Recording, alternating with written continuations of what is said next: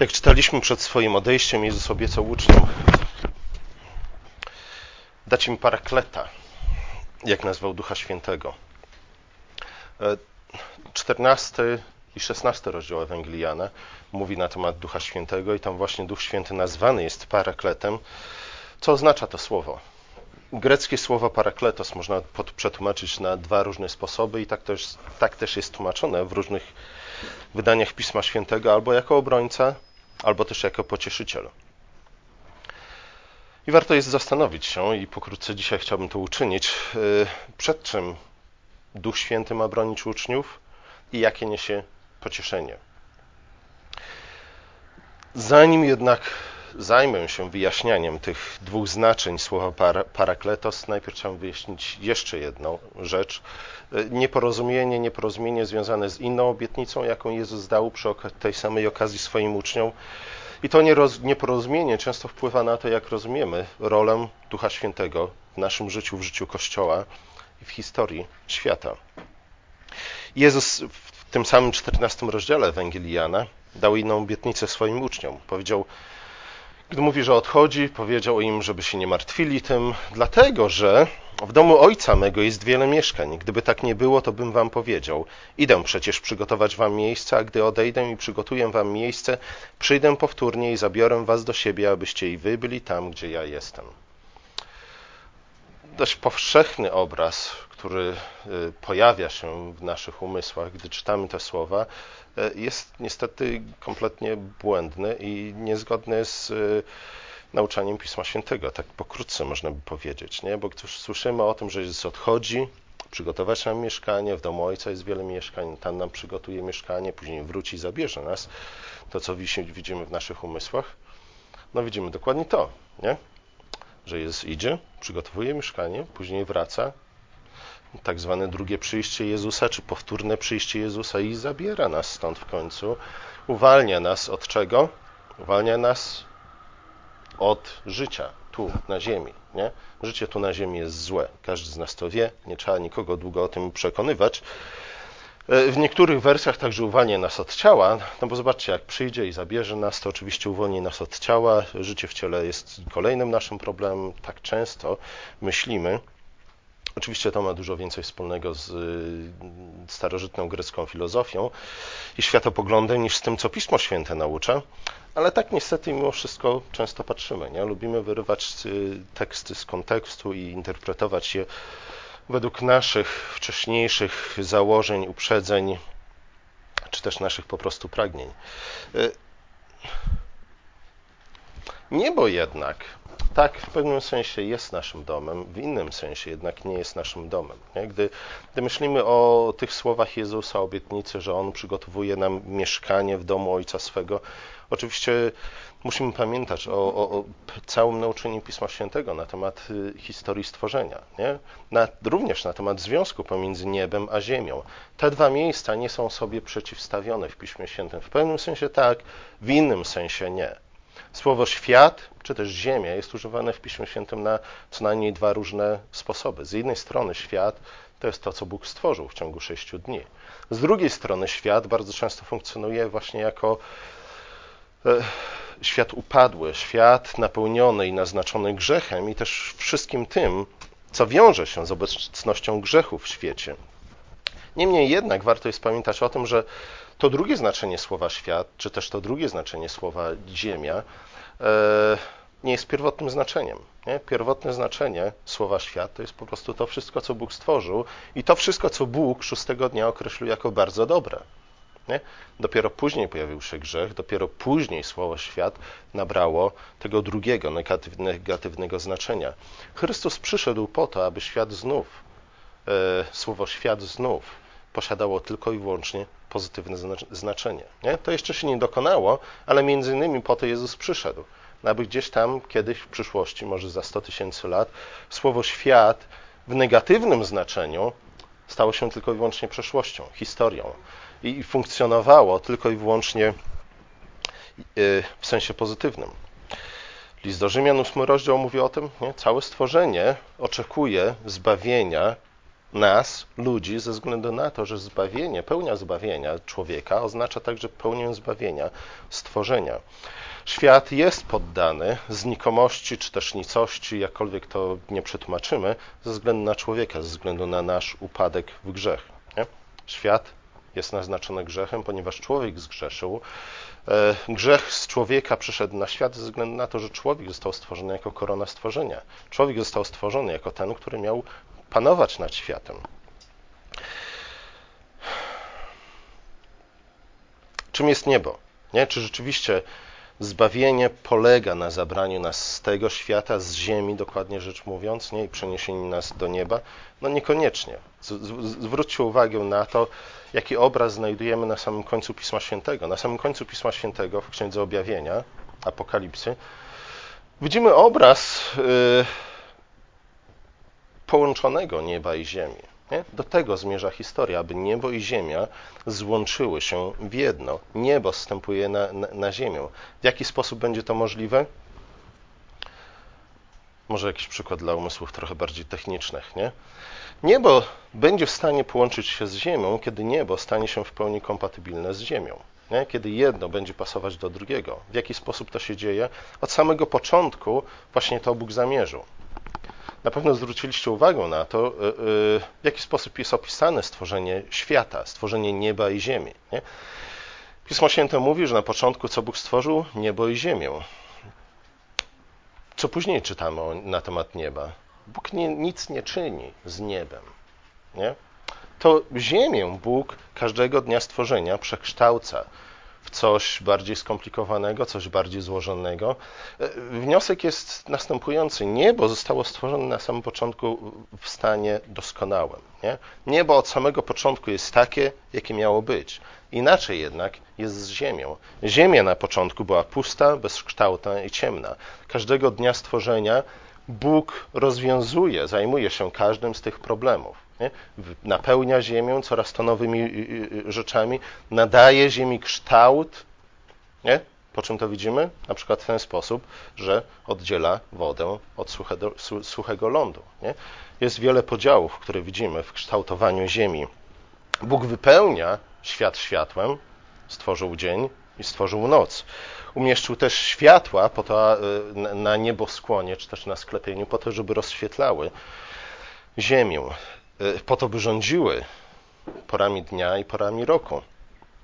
My często, gdy, gdy mówimy o, na temat nieba, to, to znów nie? musimy pamiętać o tym, że słowo niebo w Piśmie Świętym ma dwojakie znaczenie. Z jednej strony jest to niebo, to wyższe niebo, to niebo, które zostało uczynione pierwszego dnia, to niebo, które nigdy nie było puste, które nigdy, nigdy nie było bezkształtne i które nigdy nie było e, w czym? Pozbawione światłości.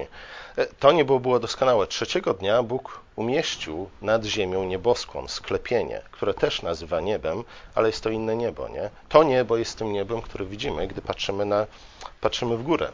W dzień wygląda inaczej, w nocy wygląda inaczej, nie? Niebo, o którym mówimy, yy, o którym czytamy w Księdze Objawienia, niebo, które mamy na myśli, modląc się modlitwą pańską, nie? niech wola Twoja dzieje się na ziemi tak, jak dzieje się w niebie, jest tym wyższym niebem, nie? tym niebem, które od początku było stworzone jako, jako coś doskonałego, coś, e, co od początku wyglądało tak, jak miało wyglądać. Nie? I zobaczcie, kiedy modlimy się, niech wola Twoja dzieje się na ziemi tak, jak dzieje się w niebie, to, to o co tak naprawdę się modlimy? No modlimy się o to, żeby ziemia raz za razem, każdego dnia, powoli, małymi kroczkami, stawała się coraz bardziej podobna do nieba. Nie? Niebo jest tym prototypem, jest tym pierwowzorem, na podobieństwo którego Ziemia jest przekształcana przez pierwsze sześć dni przez Boga, ale przez resztę historii przez człowieka. Kiedy Bóg stworzył człowieka, e, co powiedział do człowiekowi? Jakie były pierwsze słowa skierowane e, do człowieka przez Boga? Nie? Rozmnażaj się, napełniał ziemię i co? I czyni ją sobie poddaną. W jaki sposób człowiek miał czynić sobie ziemię poddaną? No oczywiście w ten sposób, jaki wcześniej Bóg ją czynił. Człowiek miał kontynuować dzieło e, Boga opisane w sześciu dniach stworzenia. E, dzieło, które ogólnie rzecz biorąc możemy nazwać przemianą z chwały w chwałę. Nie? Według jakiego wzorca? No, według wzorca, który człowiek widział, czy też o którym usłyszał od Boga, e, opis sześciu dni stworzenia, ale później też czytamy w Piśmie Świętym, że, że ten wzorzec jest tak naprawdę w niebie. Zwróćcie uwagę na to, kiedy Mojżesz miał zbudować namiot zgromadzenia, zwany przybytkiem, e, skąd wiedział, jak ma go budować? No Bóg ukazał mu wzorzec w niebie. Bóg zabrał Mojżesza do nieba, do tego wyższego nieba, nieba nad niebem, i tam Mojżesz zobaczył, jak ma wyglądać ta świątynia, i zbudował świątynię. Nie? Według tego schematu, według tego wzorca. 12, e, 12 to jest, czy 13 rozdział listy do Hebrajczyków mówi o tym, że w czasie niebożeństwa właśnie w tym uczestniczymy. Jesteśmy pochwyceni do nieba po to, żeby zobaczyć ten pierwowzór, ten prototyp tego, to, jak wygląda niebo, abyśmy wiedzieli, w jaki, co mamy czynić tu na ziemi, abyśmy wiedzieli to, w jaki sposób mamy pracować na ziemi, jak mamy żyć na ziemi, jak mamy przekształcać ziemię z chwały w chwałę. To jest to niebo, nie? które mamy na myśli. Na podobieństwo tego nieba mamy przekształcać ziemię. Do tego zostaliśmy powołani od samego początku. Niestety później pojawił się co?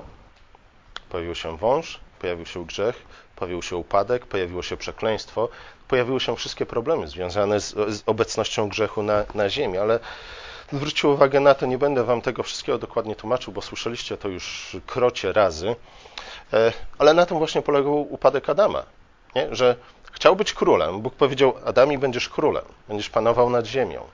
E, I Twoim zadaniem jest to, aby przekształcać ziemię z chwały w chwałę według wzorca, który ja Ci ukazałem.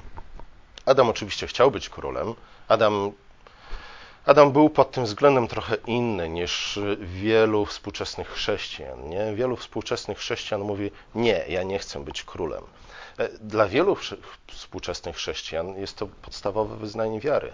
Każdy, kto chce być królem, każdy, kto chce rządzić, kto chce panować, kto dąży do władzy, jest z definicji człowiekiem złym. Nie tak to jednak jest przedstawione w Piśmie Świętym. Nie? Ale o tym za chwilę. Adam chciał być królem, jego problemem było, było tylko to, iż został królem, gdy nie był do tego jeszcze gotowy. Salomon w księdze, w księdze Kaznodziei Salomona mówi: Biada dla kraju, gdy królem zostanie chłopiec. Dlaczego?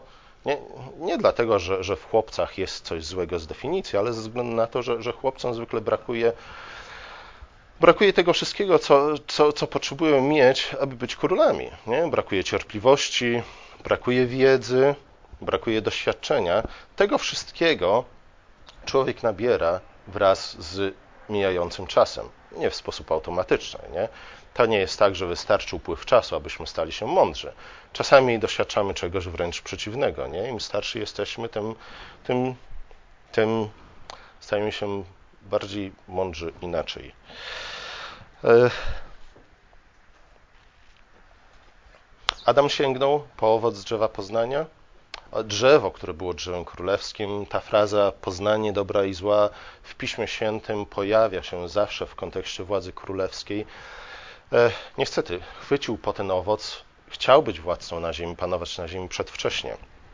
Dlatego Bóg wygnał go z raju, po to, aby nie miał dostępu do drzewa życia, nie? po to, aby człowiek e, nie żył wiecznie, nie miał życia wiecznego, będąc złym królem. Nie?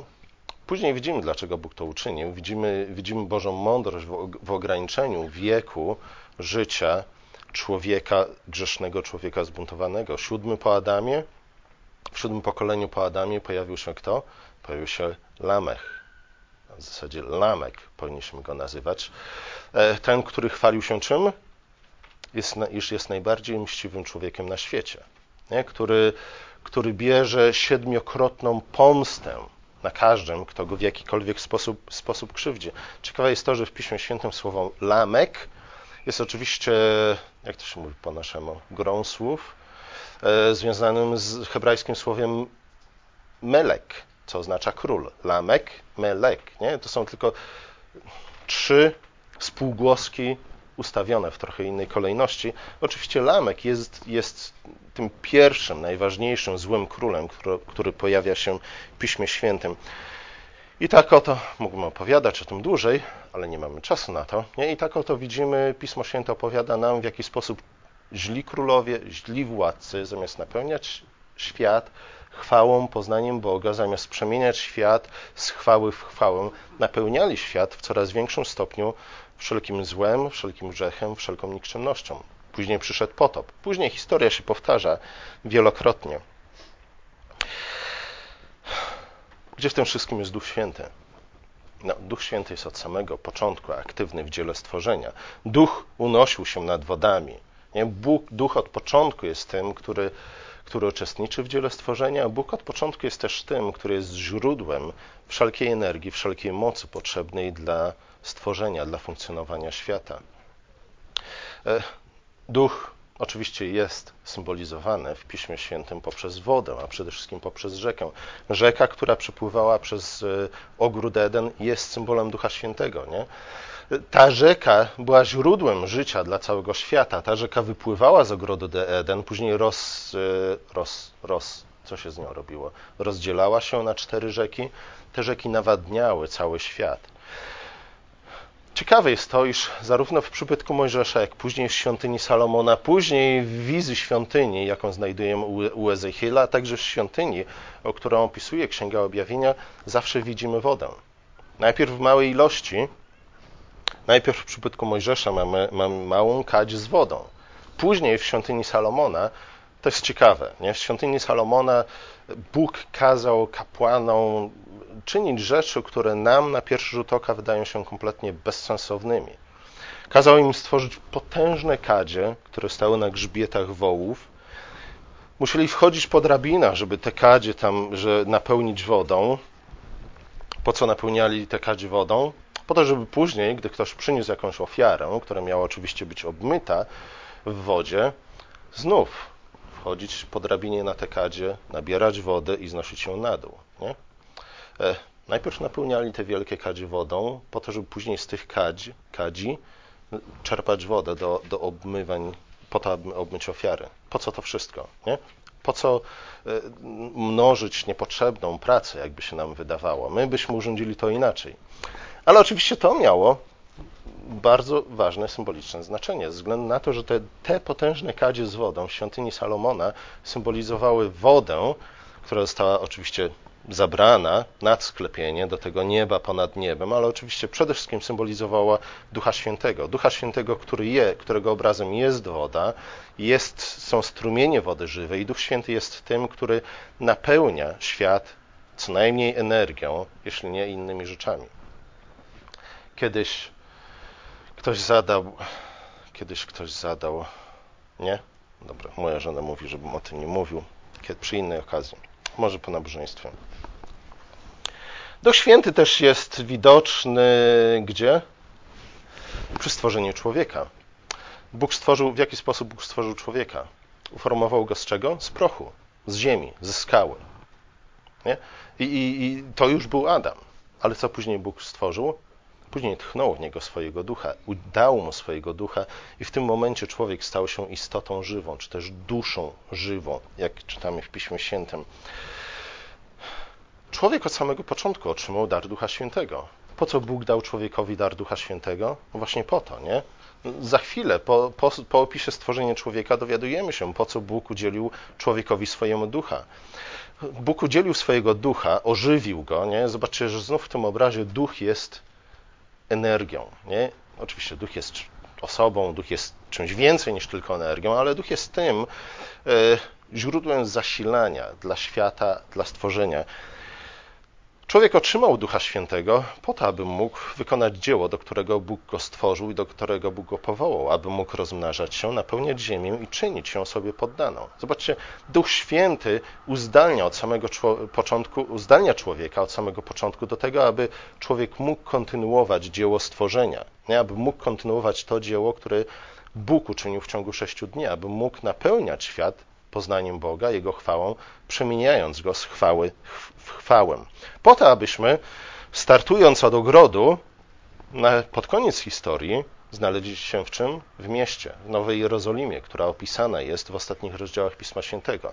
To jest cel, do którego zmierzamy. Nie? Zaczynamy od ogródka, kończymy w mieście. Oczywiście w mieście, które pewnie będzie wyglądać dużo lepiej, ciekawiej i przyjemniej niż miasta, w których my mieszkamy,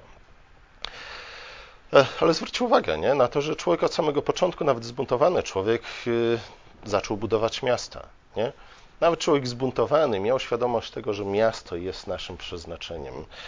I znów, nie? może niekoniecznie takie miasto jak nowe miasto w Poznaniu, może te miasta będą wyglądać trochę ciekawiej i na pewno będą wyglądać inaczej ciekawiej, nie? ale to jest naszym przeznaczeniem. Od ogrodu do miasta, miasta ogrodu, nazwijmy to tak, żeby to lepiej brzmiało. Nie? Widzimy jakiś rozwój, widzimy jakiś postęp, widzimy jakiś rozwój także cywilizacyjny, technologiczny, artystyczny i pod każdym innym względem, ale przede wszystkim widzimy rozwój duchowy w człowieku. Nie? Ogród był przedszkolem dla, dla człowieka, e, ogród miał być później szkołą dla, dla Adama, ogród miał być tym miejscem, w którym człowiek miał się nauczyć tego, według jakich schematów i w jaki sposób przemieniać świat z chwały w chwałę. Niebo nie jest jednak tylko tym prototypem, pierwowzorem, według którego mamy przemieniać świat, mamy pracować nad światem. E, niebo możemy też nazwać mostkiem kapitańskim. Nie? Jest, jest tym miejscem sterowania, gdzie zasiada Bóg, gdzie jest tron Boży i skąd Bóg kieruje losami ludzi i losami stworzenia. Czytamy, czy, czytamy o tym. Ciekawe jest też to, że świątynia, która stała, była zbudowana na, na świecie, była właśnie takim mostkiem kapitańskim na ziemi. Nie? Świątynia bardzo często jest nazywana domem Bożym, pałacem królewskim. Arka Przymierza, skrzynia Przymierza była podnóżkiem, czy też tronem Boga, podnóżkiem Boga. Tronem były cheruby, które siedziały na arce, były tronem Boga na ziemi. Stamtąd Bóg kierował losami świata.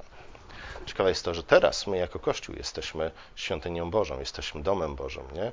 To my jako Kościół jesteśmy w tej chwili tym mostkiem kapitańskim, tym tym czym?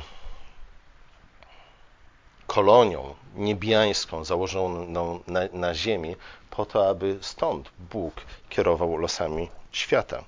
Czytamy o tym innymi w psalmie drugim, w psalmie, o którym mówiłem tydzień temu, więc, więc nie będę powtarzał zbyt wiele na jego temat. Nie? Tam właśnie jest mowa o, o Mesjaszu, o pomazańcu pańskim, o królu, któremu najpierw czytamy o tym, że Bóg z nieba kieruje losami narodów.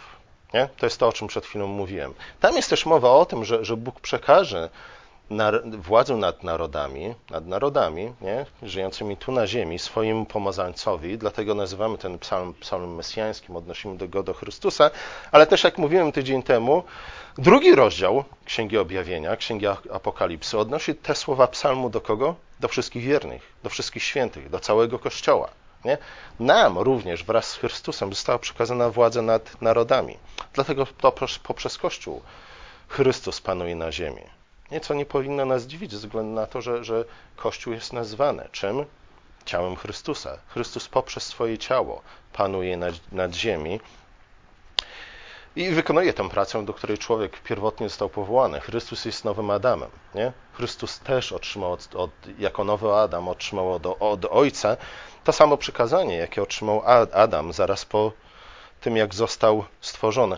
Kościół jest także czym? Oblubienicą Chrystusa. Jest, jest, Chrystus jest mężem, Kościół jest, nazwany Jego żoną. Nie? I zobaczcie, że, że e, tak to wygląda w Piśmie Świętym od samego początku. E, mężowie są tymi, którzy inicjują pracę. Znaczy to jest tak, od samego początku, żeby było Żony są tymi, które inspirują mężów, mężowie są tymi, którzy zaczynają i inicjują pracę, ale żony są też tymi, które co? Wieńczą dzieło rozpoczęte przez męża. Kiedy mąż kupi dom, co robi z tym domem? Wstawia kanapę, wstawia lodówkę i wstawia co? Telewizor. Widzę, że mamy tutaj porządnych mężów między nami. Nie, potem idzie do pracy, wraca z pracy i co widzi? Żona pomalowała ściany, żona powiesiła zasłonę, jakieś obrazki na ścianach, nie? Kwiatki postawiła na stole i mąż mówi, o co w tym wszystkim chodzi, nie? Przecież dom był doskonale urządzony, nie? Po co te jakieś wszystkie dodatki? Ale tak to funkcjonuje, nie? Żona jest zawsze tym, który kończy, wieńczy dzieło męża, dlatego jest nazwana chwałą swojego męża. Zobaczcie, że Kościół dokładnie to czyni, nie? Jako, jako żona swojego męża. Chrystus jest tym, który rozpoczął dzieło przemiany świata z chwały w chwałę, ale teraz Kościół jako jego żona wieńczy to dzieło, nie? Kończy to dzieło. Chrystus jako mąż jest tym, który inicjuje, ale Chrystus jako mąż jest też tym, który patrząc na swoją przyszłą żonę, został zainspirowany do swojego dzieła. Nie? Chrystus uczynił, przyszedł na ten świat, by umrzeć, zmartwychwstać i tak dalej, ze względu na miłość do swojej żony. To była jego motywacja. Nie? Później żona, później, teraz Kościół jako żona Chrystusa kończy to dzieło, wieńczy dzieło Chrystusa. To jest zadanie, do, do którego staliśmy po, powołani. Widzicie, dlatego zawsze powinniśmy pamiętać o tym, że, że, że święta, zielone święta, Dzień Zesłania Ducha Świętego jest ściśle powiązany ze świętem, które świętowaliśmy tydzień temu, a dokładnie 10 dni temu, a więc z niebo wstąpieniem Chrystusa. Chrystus wstępuje do nieba, tam zasiada na, na tronie po prawicy Ojca, ale tak jak mówiłem tydzień temu, wraz z Nim my jako Kościół także jesteśmy posadzeni obok Niego na tronie, po to, abyśmy wraz z Nim królowali. Czytamy o tym między innymi w drugim rozdziale listu do, do Efezjan, który najprawdopodobniej zacznę omawiać może za dwa tygodnie, e, dlatego że ten list bardzo ściśle wiąże się z tym, o czym mówimy dzisiaj, o czym mówiliśmy tydzień temu. Nie? Tam jest opisane skutki dzieła Chrystusa. Tam jest opisana też rola Kościoła, jaką ma spełnić w historii.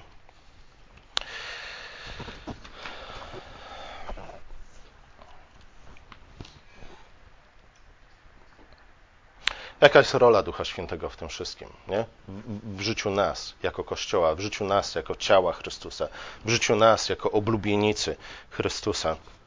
Jak już mówiłem, Duch Święty nazwany jest przez Chrystusa parakletem, co można przetłumaczyć jako obrońca z jednej strony, ale z drugiej strony jako, jako pocieszyciel. Jaka jest rola Ducha Świętego jako obrońcy? Przed kim Duch Święty ma nas bronić? Czasami się mówi, że Duch Święty, który jest nazwany drugim, czy też innym parakletem, obrońcą, e, ma pełni w naszym życiu dokładnie tę samą funkcję, jaką pełni Chrystus jako nasz obrońca. Nie do końca tak jednak jest. Nie? Chrystus przede wszystkim wstawia się za nami przed swoim Ojcem. Nie? E, dlatego możemy być pojednani z Ojcem, dlatego możemy być oczyszczeni z naszych grzechów. Duch Święty został posłany przez Syna po to, żeby bronić nas przede wszystkim przed światem. W ten sposób e, Jezus opisuje rolę Ducha Świętego jako obrońcy naszego w XVI rozdziale Ewangelii Jana. Duch Święty został posłany na świat po to, aby osądzić upadły świat, zbuntowany świat, świat, który tkwi w ciemności i w grzechu, świat, który nie rozpoznał Chrystusa, który odrzucił go. Oczywiście ten osąd polega przede wszystkim na osądzeniu szatana. Wina świata polega na, na odrzuceniu Chrystusa jako Mesjasza, czyli króla. Odrzucenie Jezusa z kolei, a może powinienem przeczytać ten fragment, żebyście wiedzieli, o czym mówię. 16 rozdział Węglijany od 8 rozdziału. Gdy On, czyli Duch przyjdzie, przekona świat o grzechu, o sprawiedliwości i o sądzie. O grzechu, gdyż nie uwierzyli we mnie, mówi Jezus. O sprawiedliwości, gdyż odchodzę do Ojca, już mnie nie ujrzycie. I o sądzie, gdyż książę tego świata został osądzony. Odrzucenie Jezusa przez świat oczywiście oznaczało odrzucenie także Jego Kościoła, przede wszystkim prześladowanie Jego Kościoła. Zwróćcie uwagę na to, że po odejściu Chrystusa, po zesłaniu Ducha Świętego, świat zwraca się już nie przeciwko Chrystusowi, ale przeciwko Jego ciału, Kościołowi. Wtedy zaczynają się prześladowania. No i takim najbardziej znanym, pierwszym męczennikiem jest Szczepan, ale najbardziej znanym prześladowcą Kościoła jest kto? Saul, który później został apostołem Pawłem.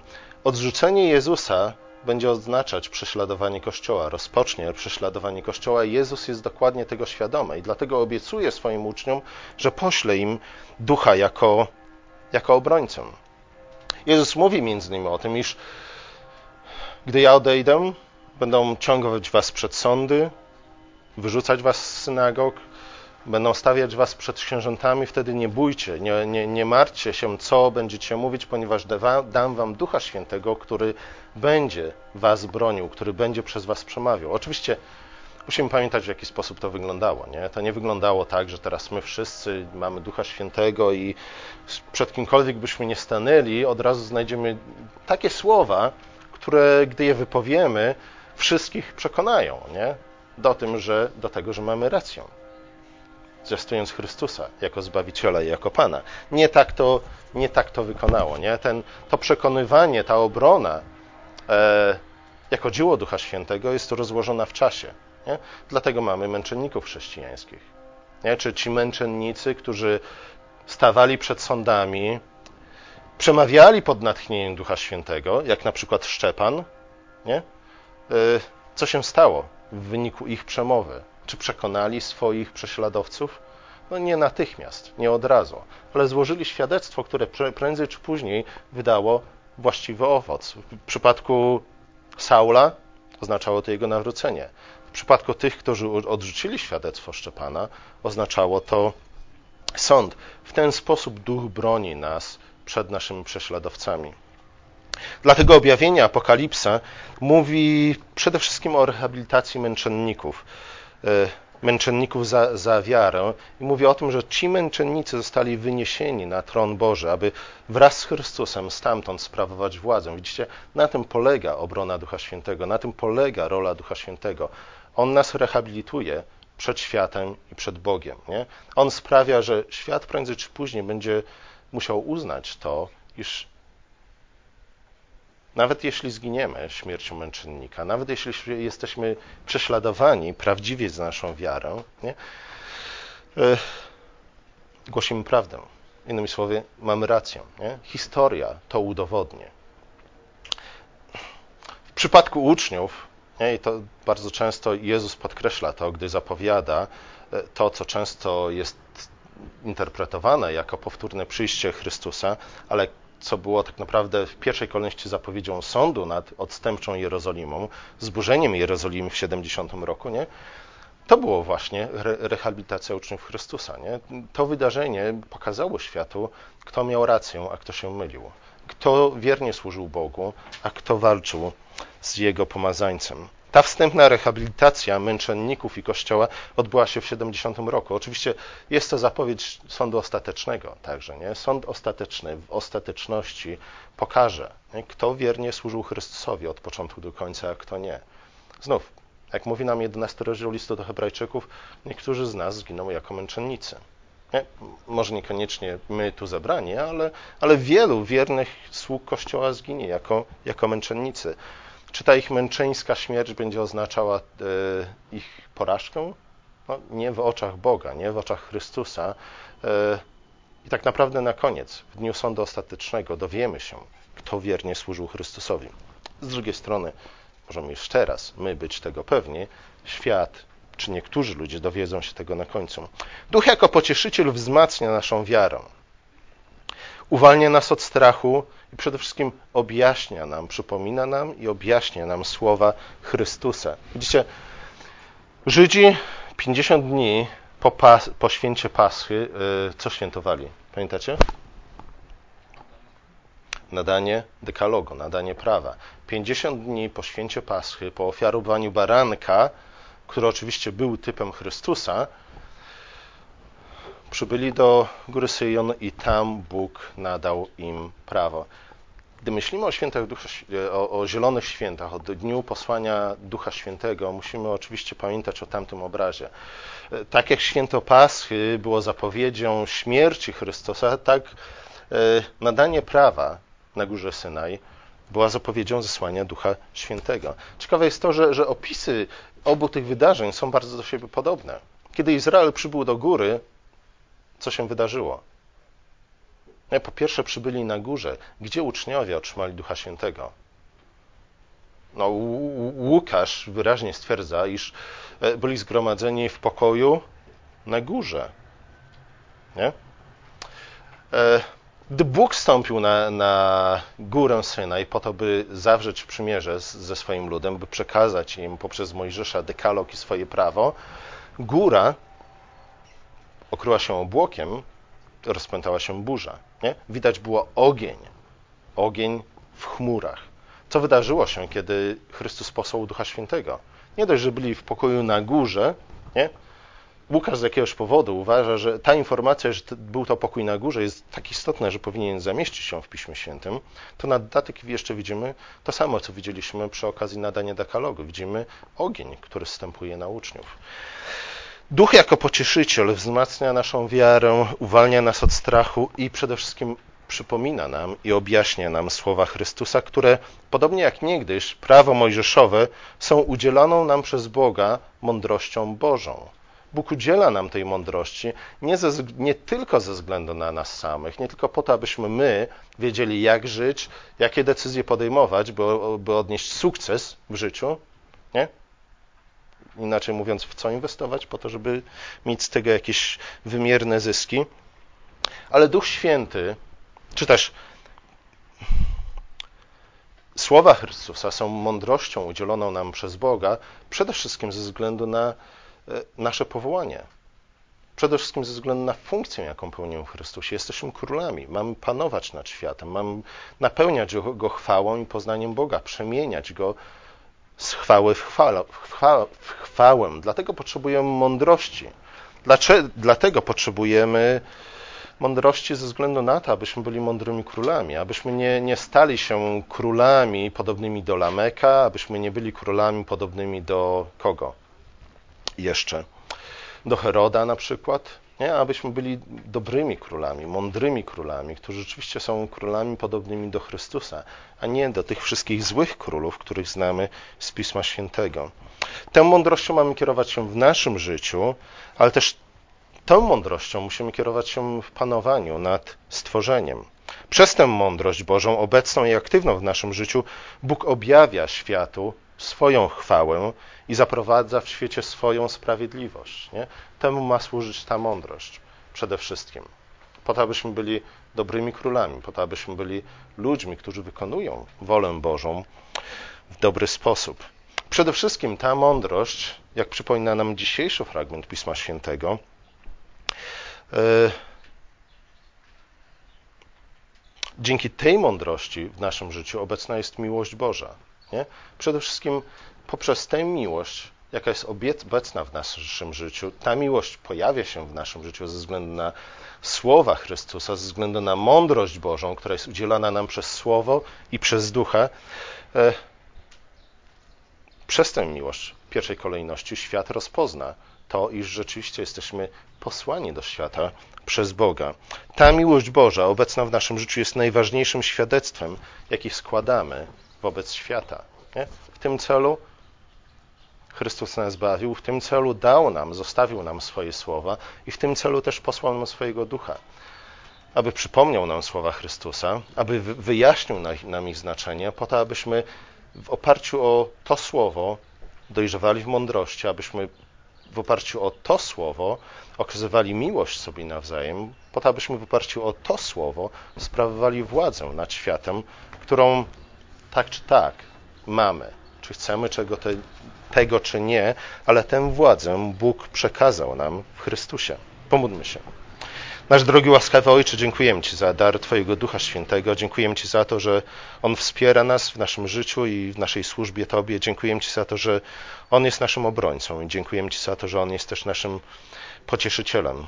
Prosimy Cię o to, e, aby był aktywny w naszym życiu. Prosimy Cię o to, aby pobudzał nas do, do służby Tobie, ale przede wszystkim prosimy Cię o to, aby też był tym, który sprawi, że nasza służba Tobie będzie mądra, rozumna e, i podobająca się Tobie, e, wielbiąca, wywyższająca Twoje święte imię i składająca prawdziwe świadectwo miłości wobec świata. Prosimy Cię o to w imieniu Twojego Syna. Amen.